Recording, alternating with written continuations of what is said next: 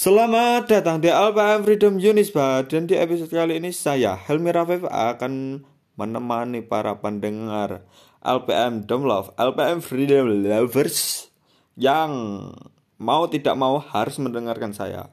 Dan berita pada episode kali ini yaitu Lembaga Pers Mahasiswa LPM Foros Universitas Ahmad Dahlan Yogyakarta mendapatkan intimidasi dari kampus setelah menerbitkan tulisan yang, yang berjudul Nilai A seharga Rp35.000. Wow, yang diunggah kami 19 Agustus 2021 yang lalu.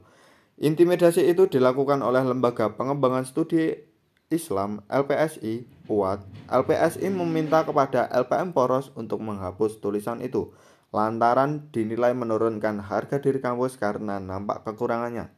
Kasus ini bermula ketika Poros menulis tentang seorang dosen yang merekomendasikan mahasiswa membeli sebuah buku mata kuliah kemuhammadiyahan berjudul Kuliah Kemuhammadiyahan Gerakan Tajdid, kata Hartanto Ardi Saputra, Divisi Advokasi Aji Yogyakarta, yang mendampingi kasus tersebut Rabu 25 Agustus 2021, seperti yang dikutip dari Serat ID.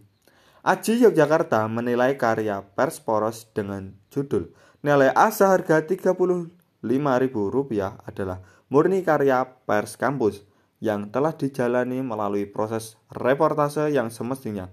Fakta-fakta menguat dalam pemberitaan itu sudah dikumpulkan untuk menunjukkan adanya ketidakberesan dalam sistem penilaian di kampus tersebut. Menurut Ardi, mohon maaf sebelumnya, menurut Ardi seharusnya kampus UAT mengacu pada kode etik jurnalistik yang ditetapkan Dewan Pers tentang kode etik jurnalistik yang mengatur media, termasuk media kampus seperti LPM Poros meng mengambil posisi sebagai watchdog atau kontrol kekuasaan di lingkup perguruan tinggi. Melansir dari suara Jogja ID, atas peristiwa yang dialami LPM Poros, Universitas Ahmad Dahlan, Aji Yogyakarta menyatakan sikap pertama Mengacu pada kode etik jurnalistik yang ditetapkan Dewan Pers melalui peraturan Dewan Pers nomor 6 garis miring peraturan DP garis miring 5 garis miring 2008 tentang pengesahan surat keputusan Dewan Pers nomor 03 garis miring SK strip DP garis miring 3 garis miring 2006 tentang ko tentang kode etik jurnalistik sebagai pers peraturan Dewan Pers maka Sikap yang diambil redaksi poros dengan tetap mengambil posisi sebagai watchdog atau kontrol kekuasaan terhadap kampus sudah sewajarnya dilakukan. 2. Pers mahasiswa sesuai namanya adalah lembaga yang difungsikan untuk menekan alat kekuasaan agar menjalankan fungsi ideal. Pers kampus tidak bisa dipahami sebagai lembaga yang, menja yang menjalankan fungsi publisitas semata. Berita seburuk apa pun mengenai kampus jika itu adalah fakta dan menjadi hak publik untuk tahu, sudah menjadi tugas lembaga pers mahasiswa untuk mempublik untuk mempublikasikan fakta-fakta tersebut kepada publik. 3.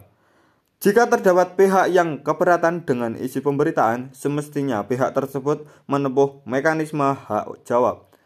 Poros sebagai lembaga pers mahasiswa sesuai kode etik jurnalistik wajib melayani hak jawab tersebut.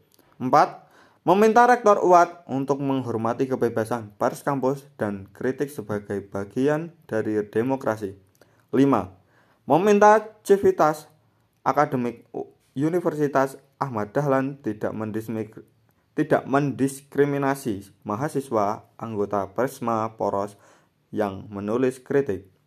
Setelah melalui proses tabayun dengan pihak LPSI, pembina LPM Poros, Dema Fakultas Agama Islam, LPM Poros memutuskan dalam forum untuk menarik pemberitaan berjudul nilai A seharga Rp35.000 dengan alasan forum sudah semakin tendensius, tidak berimbang dan represi dan LPM Poros mempertimbangkan kondisi dosen terkait.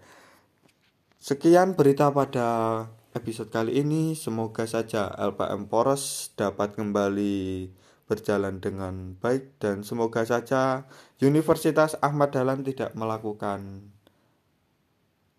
kecaman terhadap LPM Poros. Saya Helmi Rafif, saya pamit undur diri. Selama sampai jumpa.